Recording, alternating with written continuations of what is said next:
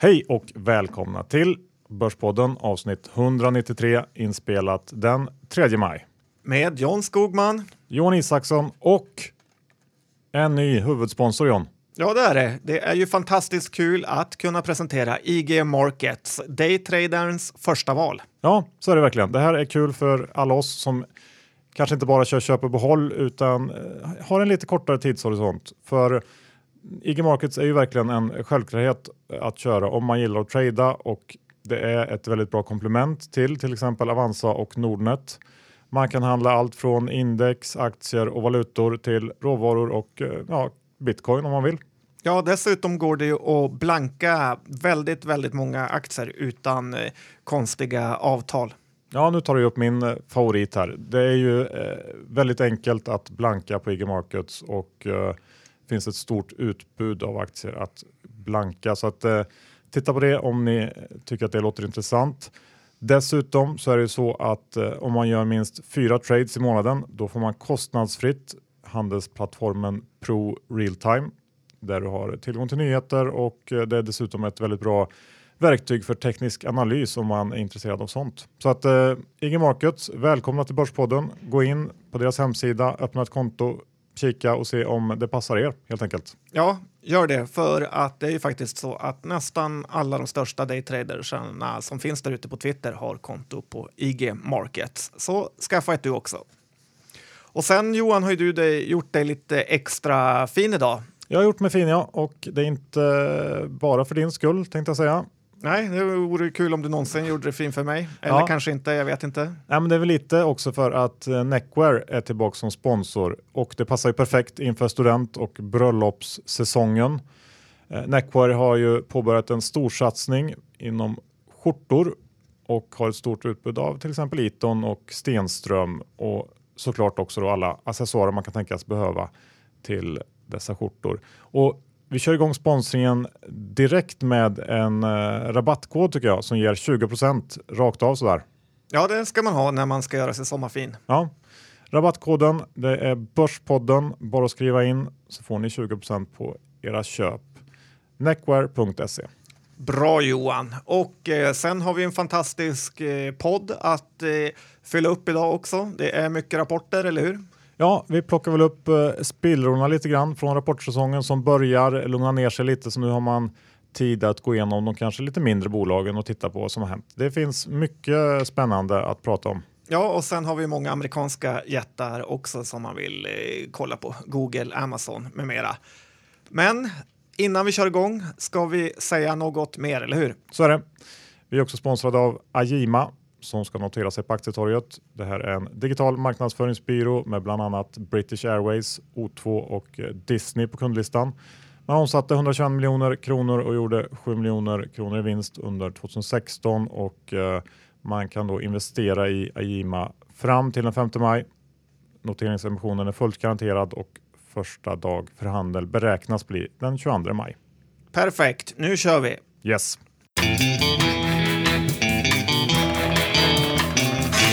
Johan, Dr. Bass Isaksson. Index är i 1630 och eh, börsen rusar fram känns det som. Det är inte mycket som kan eh, stoppa den. Nej, och inte blev det bättre av den här rapportperioden heller.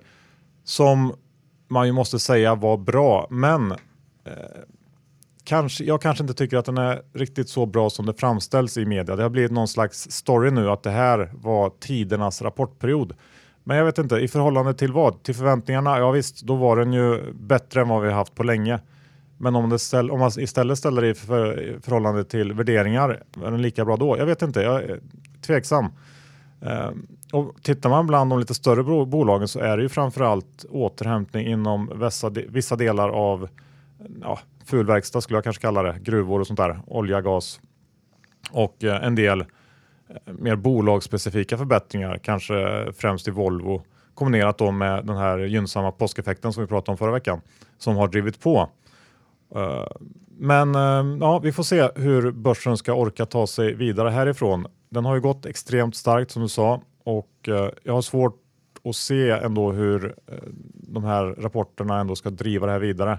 Det kanske kan fortsätta på något slags rent momentum, men någonstans här borde vi ha en liten eh, rekyl kan jag tycka. Ja, för du har läst ett ganska intressant eh, eh, marknadsbrev, eller hur? Ja, jag tänkte det här skickar vi med i veckans lyssnarbrev, men jag läste Dan Loeb eh, som driver Third Point, det är en amerikansk hedgefond, hans senaste investerarbrev.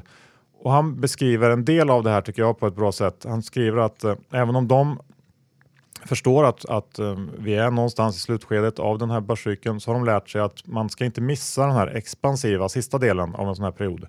När Animal Spirits verkligen tar fart.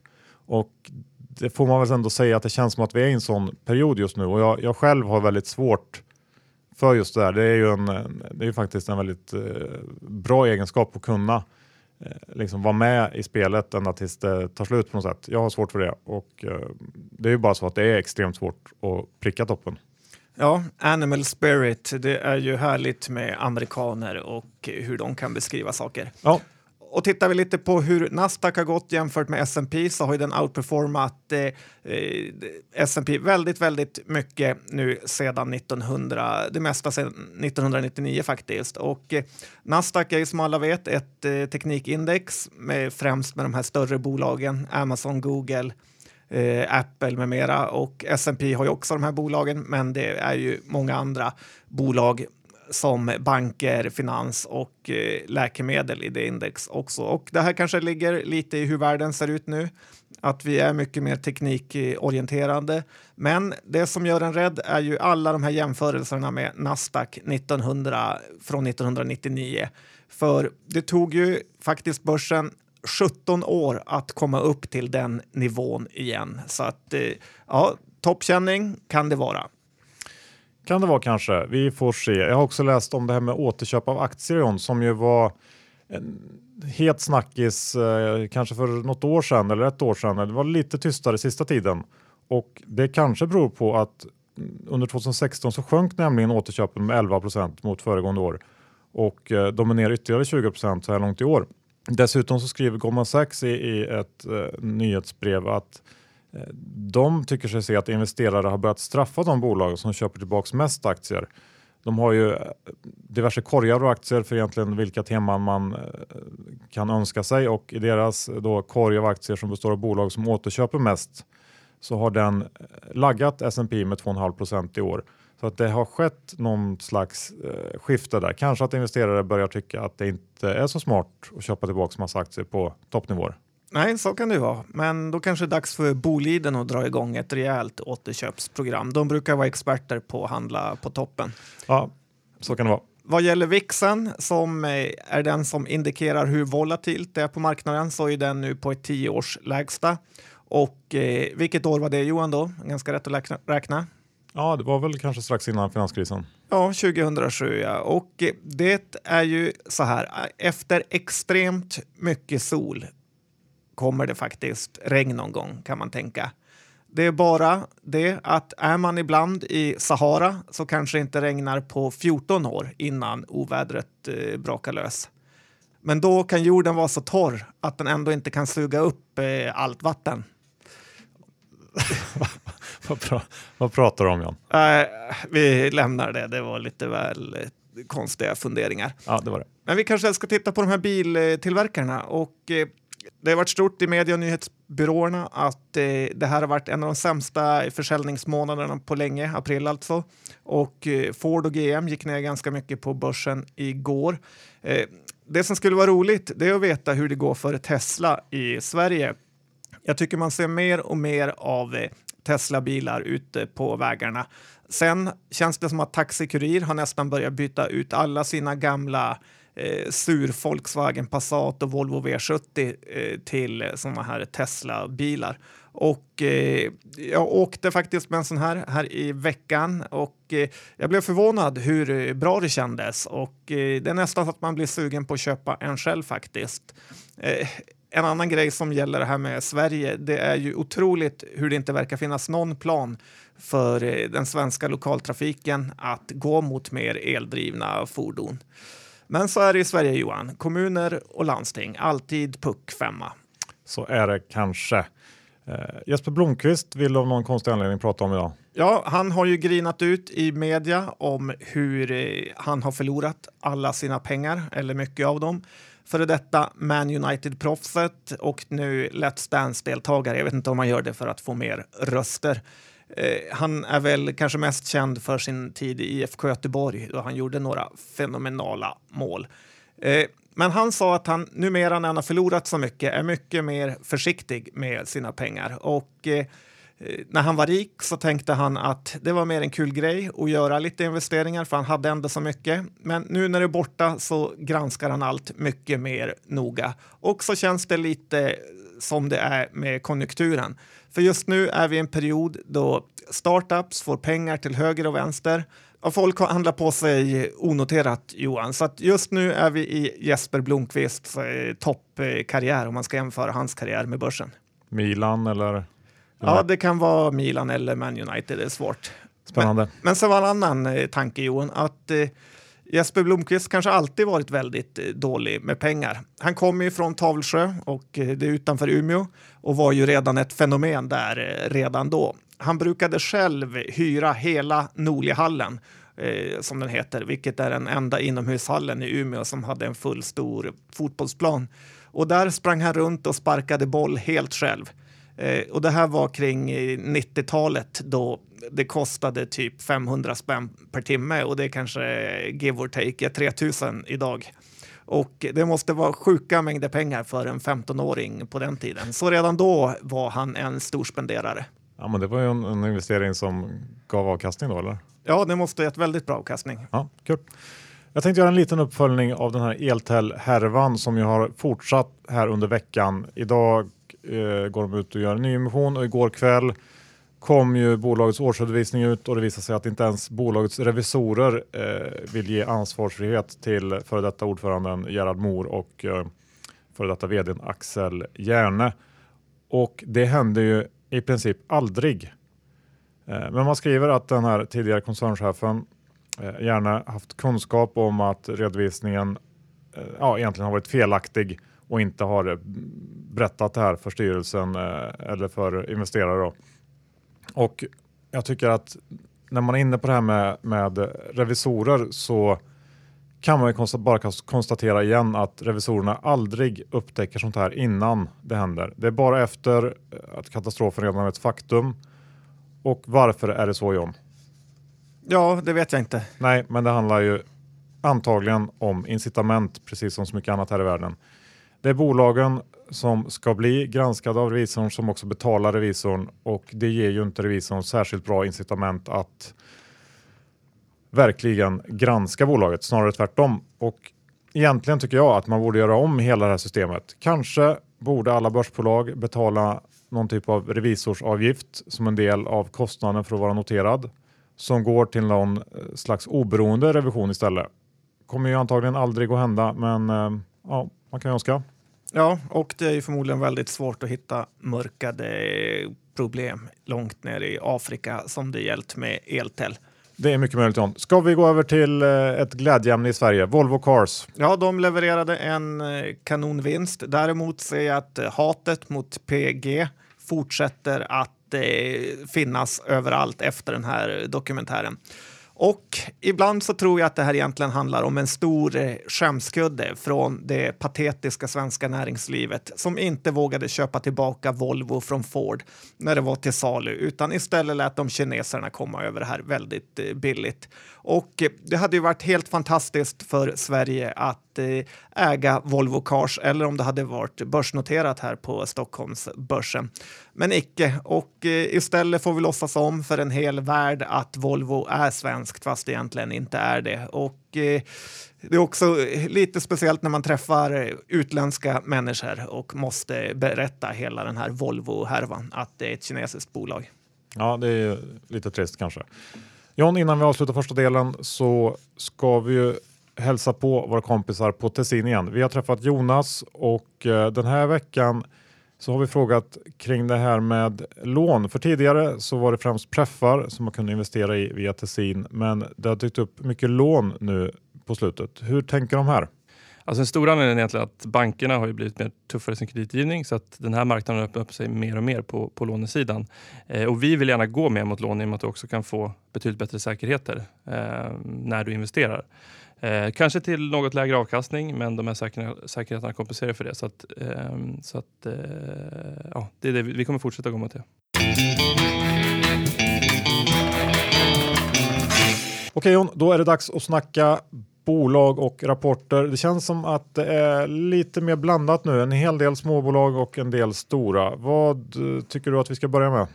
Ja, jag vet inte, för det finns så många och dessutom har vi en dieselbil utanför vår eh, lokal som pumpar in avgaser och gör oss lite snurriga. Så finns det någon som har en lokal där ute kan de ju höra av sig. Det kan ni göra. Vi kan väl då börja med Oscar Properties kanske, när vi ändå pratar om, eh, ja, om inte lokaler så i alla fall bostäder.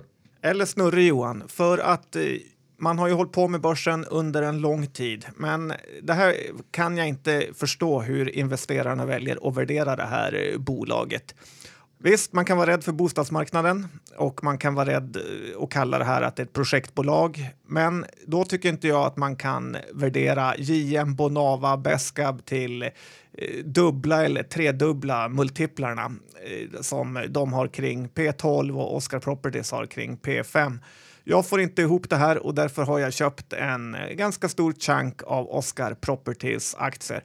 Dessutom så har jag ju hört att eh, Oscar själv har rekryterat eh, två toppnamn, bland annat eh, en ny vice vd, Thomas eh, Perslund. Så att eh, jag väljer att tro på Oscar även om ingen annan verkar göra det. Ja, spännande, går lite motvalls där. Jag håller mig utanför den här diskussionen tror jag faktiskt. Och hoppar över till ett av mina favoritbolag eh, som jag faktiskt också har i portföljen John. Det är inte så många som jag har där. Nej, framförallt inte om det inte är ett minus framför. I Nej. blankning alltså. Ja, riktigt så illa är det inte. Men jag tänkte att vi skulle eh, nämna lite om vad som har hänt i Salaris på slutet. De kom ju en rapport förra veckan. Är det Salaris eller Salaris? Ja, nu säger vi Solaris. Uh, jag vet faktiskt inte. Men den kom med en rapport och den var stabil. Omsättningen upp 10 eller 8 procent var det och eh, vinsten var väl upp cirka 15 procent. Och det är väl som, som är mest intressant där tycker jag är hur snabbt deras cloudlösning växer. Men det stora och det som har fått aktien att lyfta rejält, det var att man kvällen innan annonserade ett förvärv och eh, Solaris har letat ganska länge efter förvärv och nu har man då äntligen hittat rätt. Eh, de köper det tyska bolaget Sumarum som i likhet med Salaris baserar sin lösning på SAP och det här gör att man på allvar kan gå in och satsa på den här stora tyska marknaden och får eh, ja, direkt en, en ganska stark position där och rimligtvis så borde väl tyska bolag också vara lite extra mottagliga kanske för eh, Salaris eh, SAP-baserade lösningar med tanke på att SAP är ett tyskt bolag och att det är ja, väldigt utbrett i Tyskland helt enkelt. Man betalar ev-ebit 10 på 2016 års siffror för Summarum som då omsatte eh, lite knappt 20 miljoner euro och gjorde ett ebit på 2 miljoner euro ungefär. Och man finansierar det här med 85% skuld och 15% nya aktier. Och det tycker jag också är bra för här har man sett till att få med sig ledningen i Sumarum som stannar kvar och också blir eh, stora aktieägare i Salaris. Så att det här var en, en viktig pusselbit för Salaris tror jag. Så att jag hänger kvar där. Nu har aktien gått väldigt mycket på kort sikt så det känns väl inte som att det kortsiktigt kanske är något uh, köpläge. Men uh, ja, kul. Nej, bra aktier är aldrig billiga. Så brukar de ju säga. Apple kanske man tänker på då, eller så gör man inte det. Nej, det beror på, men de kom med en rapport eh, där de visade fin vinst, men lite lägre försäljning än väntat. Aktien gick ner i efterhanden, inte mycket, men ändå. Det här är ju så gigantiska belopp som Apple rör sig med så att det är svårt att eh, klaga egentligen.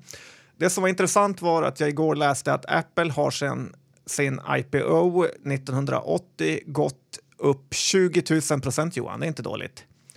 Nej. Och den som tecknade aktier för 1000 dollar 1980 har nu 370 000 dollar och då har man fått en massa utdelningar också. Eh, och det här kan faktiskt vara värt att tänka på när man får sån här mini, mini-tilldelning i IPOer. eh, kanske framförallt om man sparar till eh, sina barn, att det finns möjlighet eh, att trots att man får en sån liten tilldelning att eh, slutresultatet kommer bli fantastiskt om man låter tiden göra jobbet. Nu är det ju 37 år sedan, sedan 1980 och det är en extremt lång tid. Men det har nog inte varit så jobbigt heller att vara utan, den här, vara utan de här tusen dollarna och se hur eh, de växa upp till det här enorma trädet. Nu tycker jag kanske också att du väljer ett exempel som kanske inte är helt eh, representativt för snittaktien. Nej, så är det inte. Alla aktier blir ju inte som Apple. De här tusen dollarna man stoppar i Aino har inte riktigt uh, fått den starten. Nej. Uh, när vi ändå är och snackar amerikanska aktier kanske vi ska riva av en radda. Johnson Johnson har väl också rapporterat? Ja, det har de och de höjer sin utdelning, vilket kanske är det roligaste. Och det är för 55 året i rad de höjer utdelningen och det är ju fantastiskt att man kan sitta på en sån här aktie som varje år gör dig lite, lite rikare. Ett annat bolag som höjer sin utdelning lite mer med 7 procent eh, är Pepsi Cola och eh, det är för det 45 året i rad de höjer sin utdelning. Och eh, då får man lägga till för det jobbiga för Pepsi är ju att läskförsäljningen i USA har minskat varje år de senaste tio åren i USA. Så Pepsi är mycket annat än bara drycken. Ja. Sen har vi ju Amazon och ett bolag som många tycker är världens bästa eh, som har kommit med rapport och Google också. Det här är ju två superbolag. Eh, om vi tittar på Google så var det här som kallas för paid clicks upp med över 40 procent. Tittar vi på Amazon så växte de mer än väntat och eh, vinsten var till och med bättre, även fast det bolaget inte riktigt brukar värderas på vinst. Det som heter AWS, alltså Amazon Web Services, växte med 43 procent och nu är man störst på den här molnmarknaden. Man är både större än Microsoft och Oracle. Eh, och jag läste också att Amazon nu satsar mer på forskning och utveckling än något annat bolag i världen. Och eh, tänk bara om Ericsson hade haft en tiondel av den innovationsandan som Amazon och Google har. Men då är också deras medarbetare betydligt mer dedikerade än Ericssons, där de flesta bara verkar bry sig om sin pappaledighet och få ha en löpklubb på jobbet. Ja, du återkommer till det där. Eh, på tal om Amazon så såg jag att de lanserar en eh, vidar, vidareutvecklad variant av sin produkt som heter Echo. Det är den här knappen man skulle trycka på och kunna beställa hem varor och sådär. Den här heter Echo Look och den har också en kamera inbyggd som ger dig möjlighet att ta bilder och filmer av dig själv eh, och sen med då olika outfits på kan man säga. Och sen så ger eh, den här eh, Echo Look dig ja, modetips eller eh, förslag på vilka kläder du ska ha på dig. Och just där slog bubblan all deluxe in. ja, kanske. Vi går över till Sverige. Avega har också rapporterat John, en ja. liten it-konsult. Jajamän, det har ju varit ett eh, håsat bolag i början som har gått in i en svag period. Det här är också en av de sista konsultrapporterna som har gjort att aktien har gått väldigt bra redan innan rapporten. Men rapporten var bra och aktien gick upp. Tyvärr så gäller ju påskeffekten att man haft en bra Q1 men vi har en svag Q2 framför oss.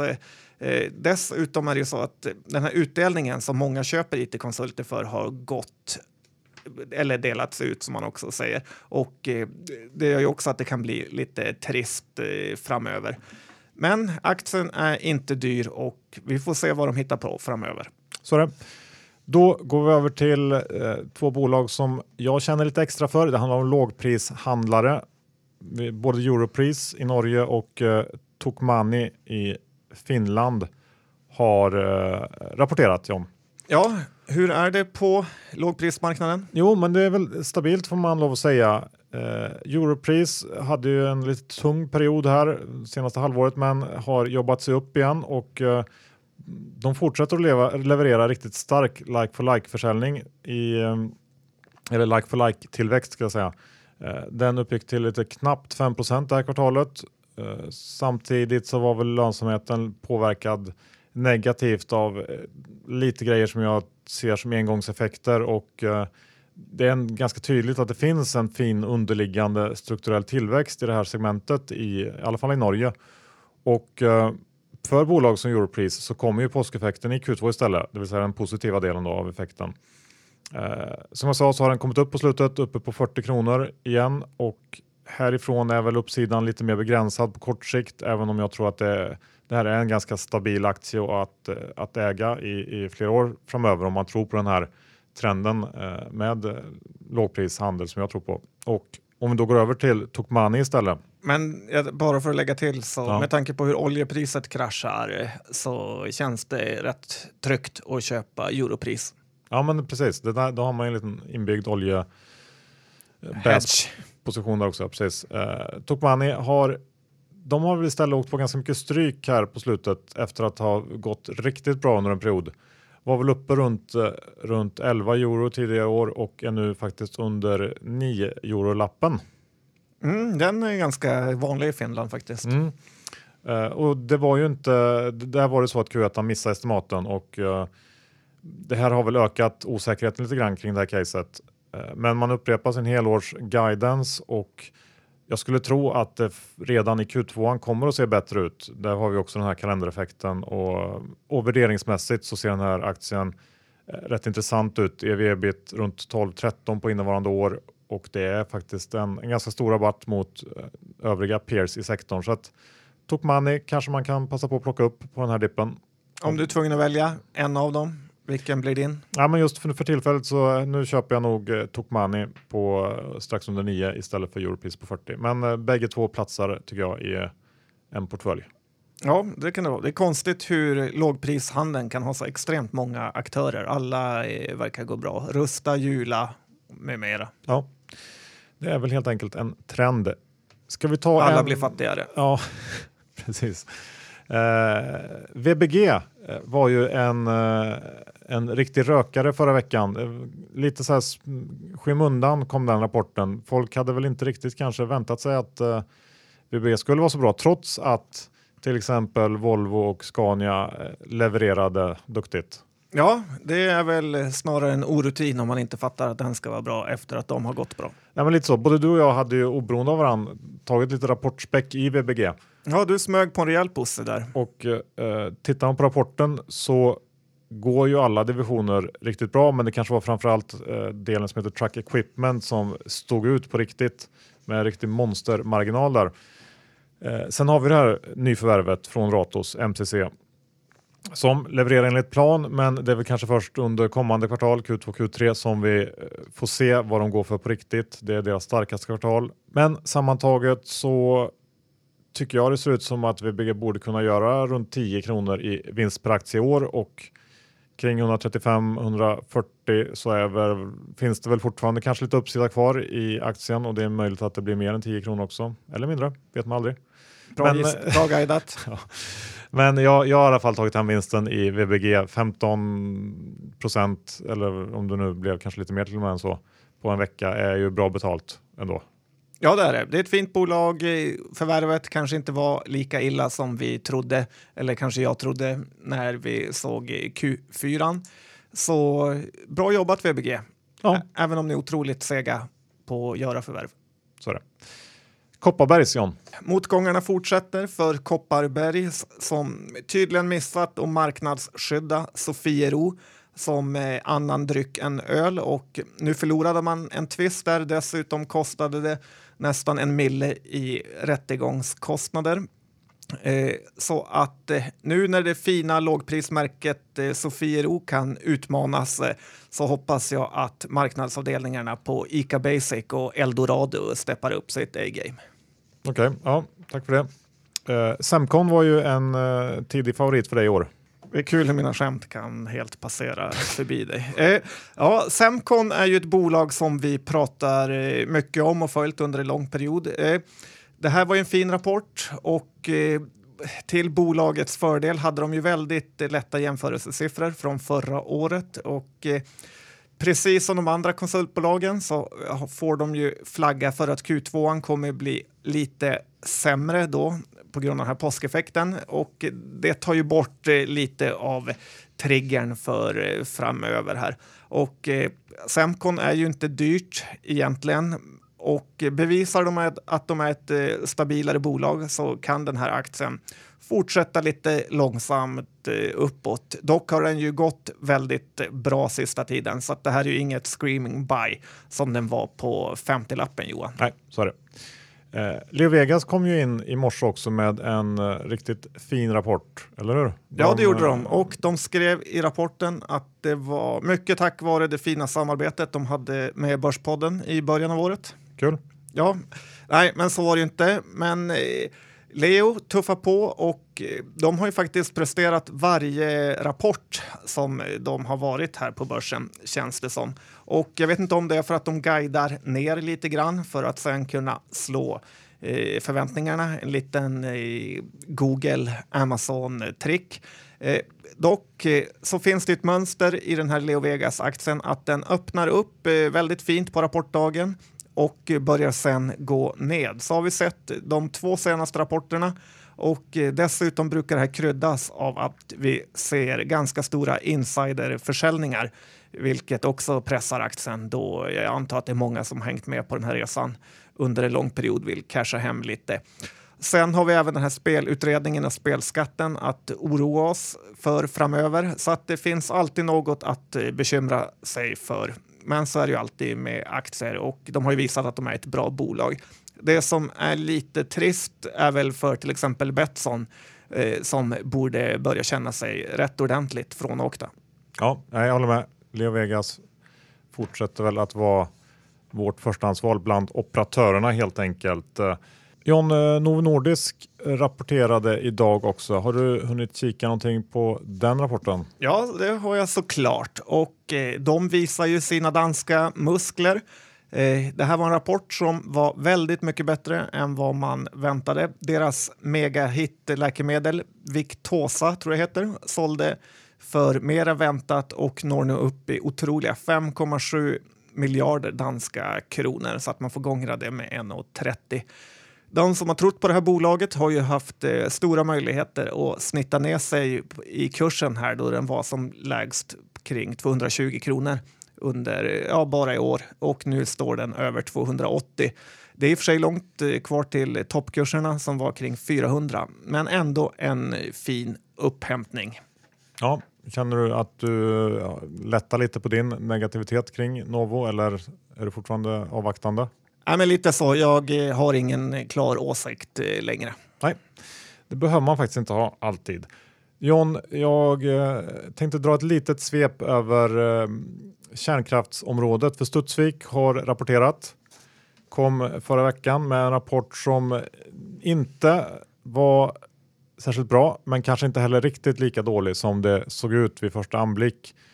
Eh, justerar man för omstruktureringar och att man eh, hade en stor royaltyutbetalning under Q1 förra året så var faktiskt underliggande resultatet 8 miljoner bättre än förra året och eh, det är väl framförallt inom konsultdelen som de här underliggande förbättringarna sker.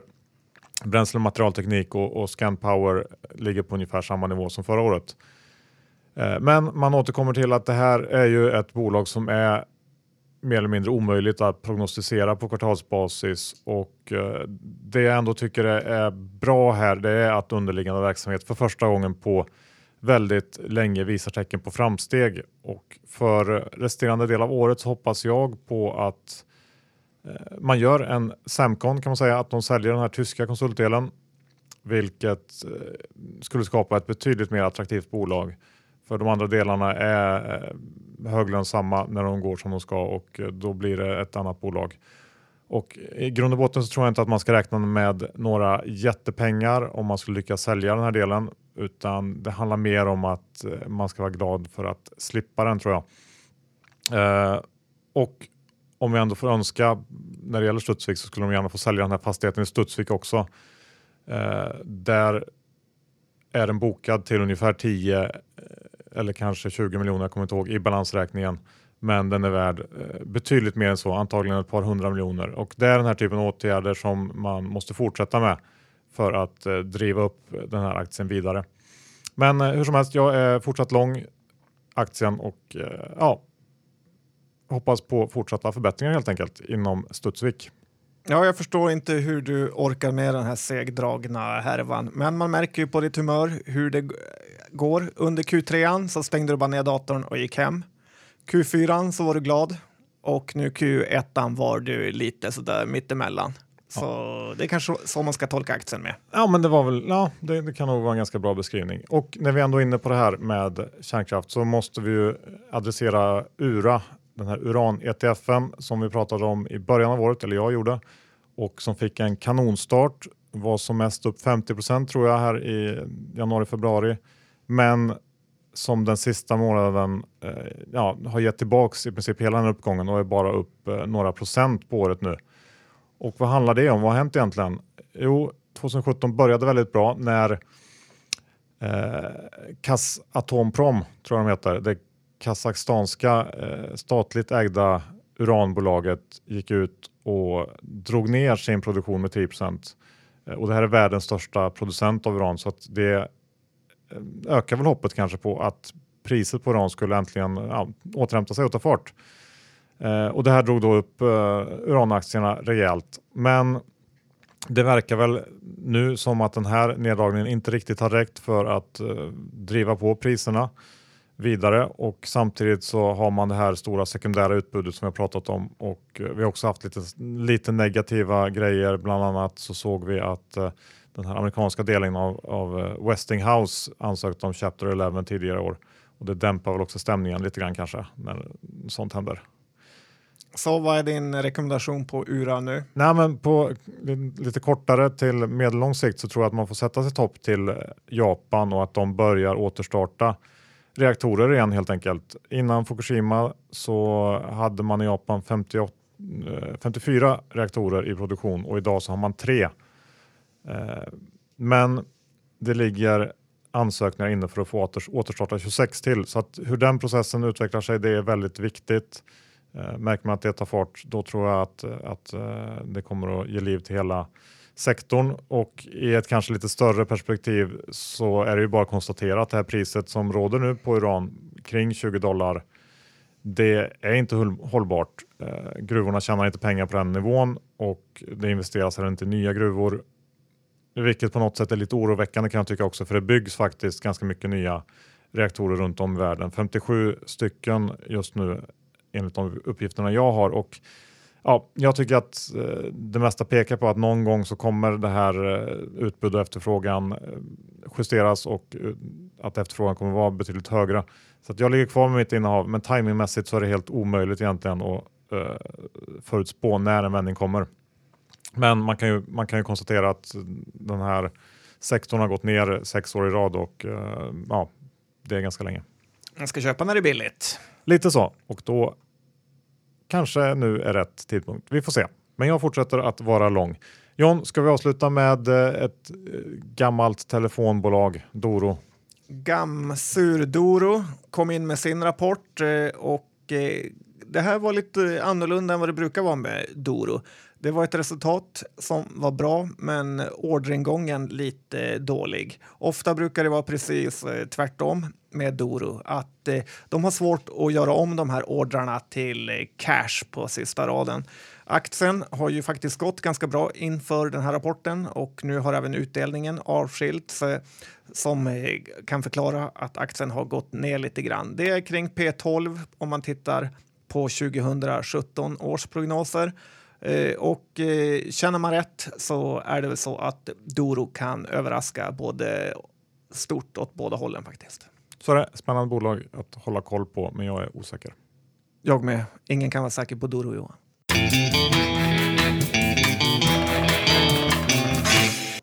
Slut på avsnitt 193. Än en gång vill vi tacka vår nya huvudsponsor IG Markets. Självklart val för alla som gillar att trada. Ja, aspirerar man på att vara en trader så måste man ha konto på IG Markets. Det finns länk på vår hemsida dit och även så kan man bara söka på IG Markets så kommer du dit. Ja, det är ganska lätt. Och Neckwear, glöm inte rabattkoden. 20% får ni där. Börspodden är koden och passa på att köpa hem lite schyssta skjortor. Eller varför inte en slips kanske? Nej, det är rätt bra att ha. Faktiskt. Vi har ju också varit sponsrade av Ajima som är på väg in på börsen. 5 maj är sista dag för eh, teckning. Kolla in dem, ajima.se om ni tycker att det låter intressant. John, vi eh, ska avsluta också med tessin.se. Gå in på tessin.se om ni vill investera i fastigheter. Ja, och det vill man ju. Så, vad har du för innehav i din lilla portfolio? Ja, idag har jag ju Solaris, Studsvik och Ura. Hur ser det ut eh, för dig John? Jag har Oscar Properties och jag har lite VBG kvar. Så det var det hela som de säger i Jylland. Götte, då tackar vi för oss och önskar er en härlig vecka. Tack och hej!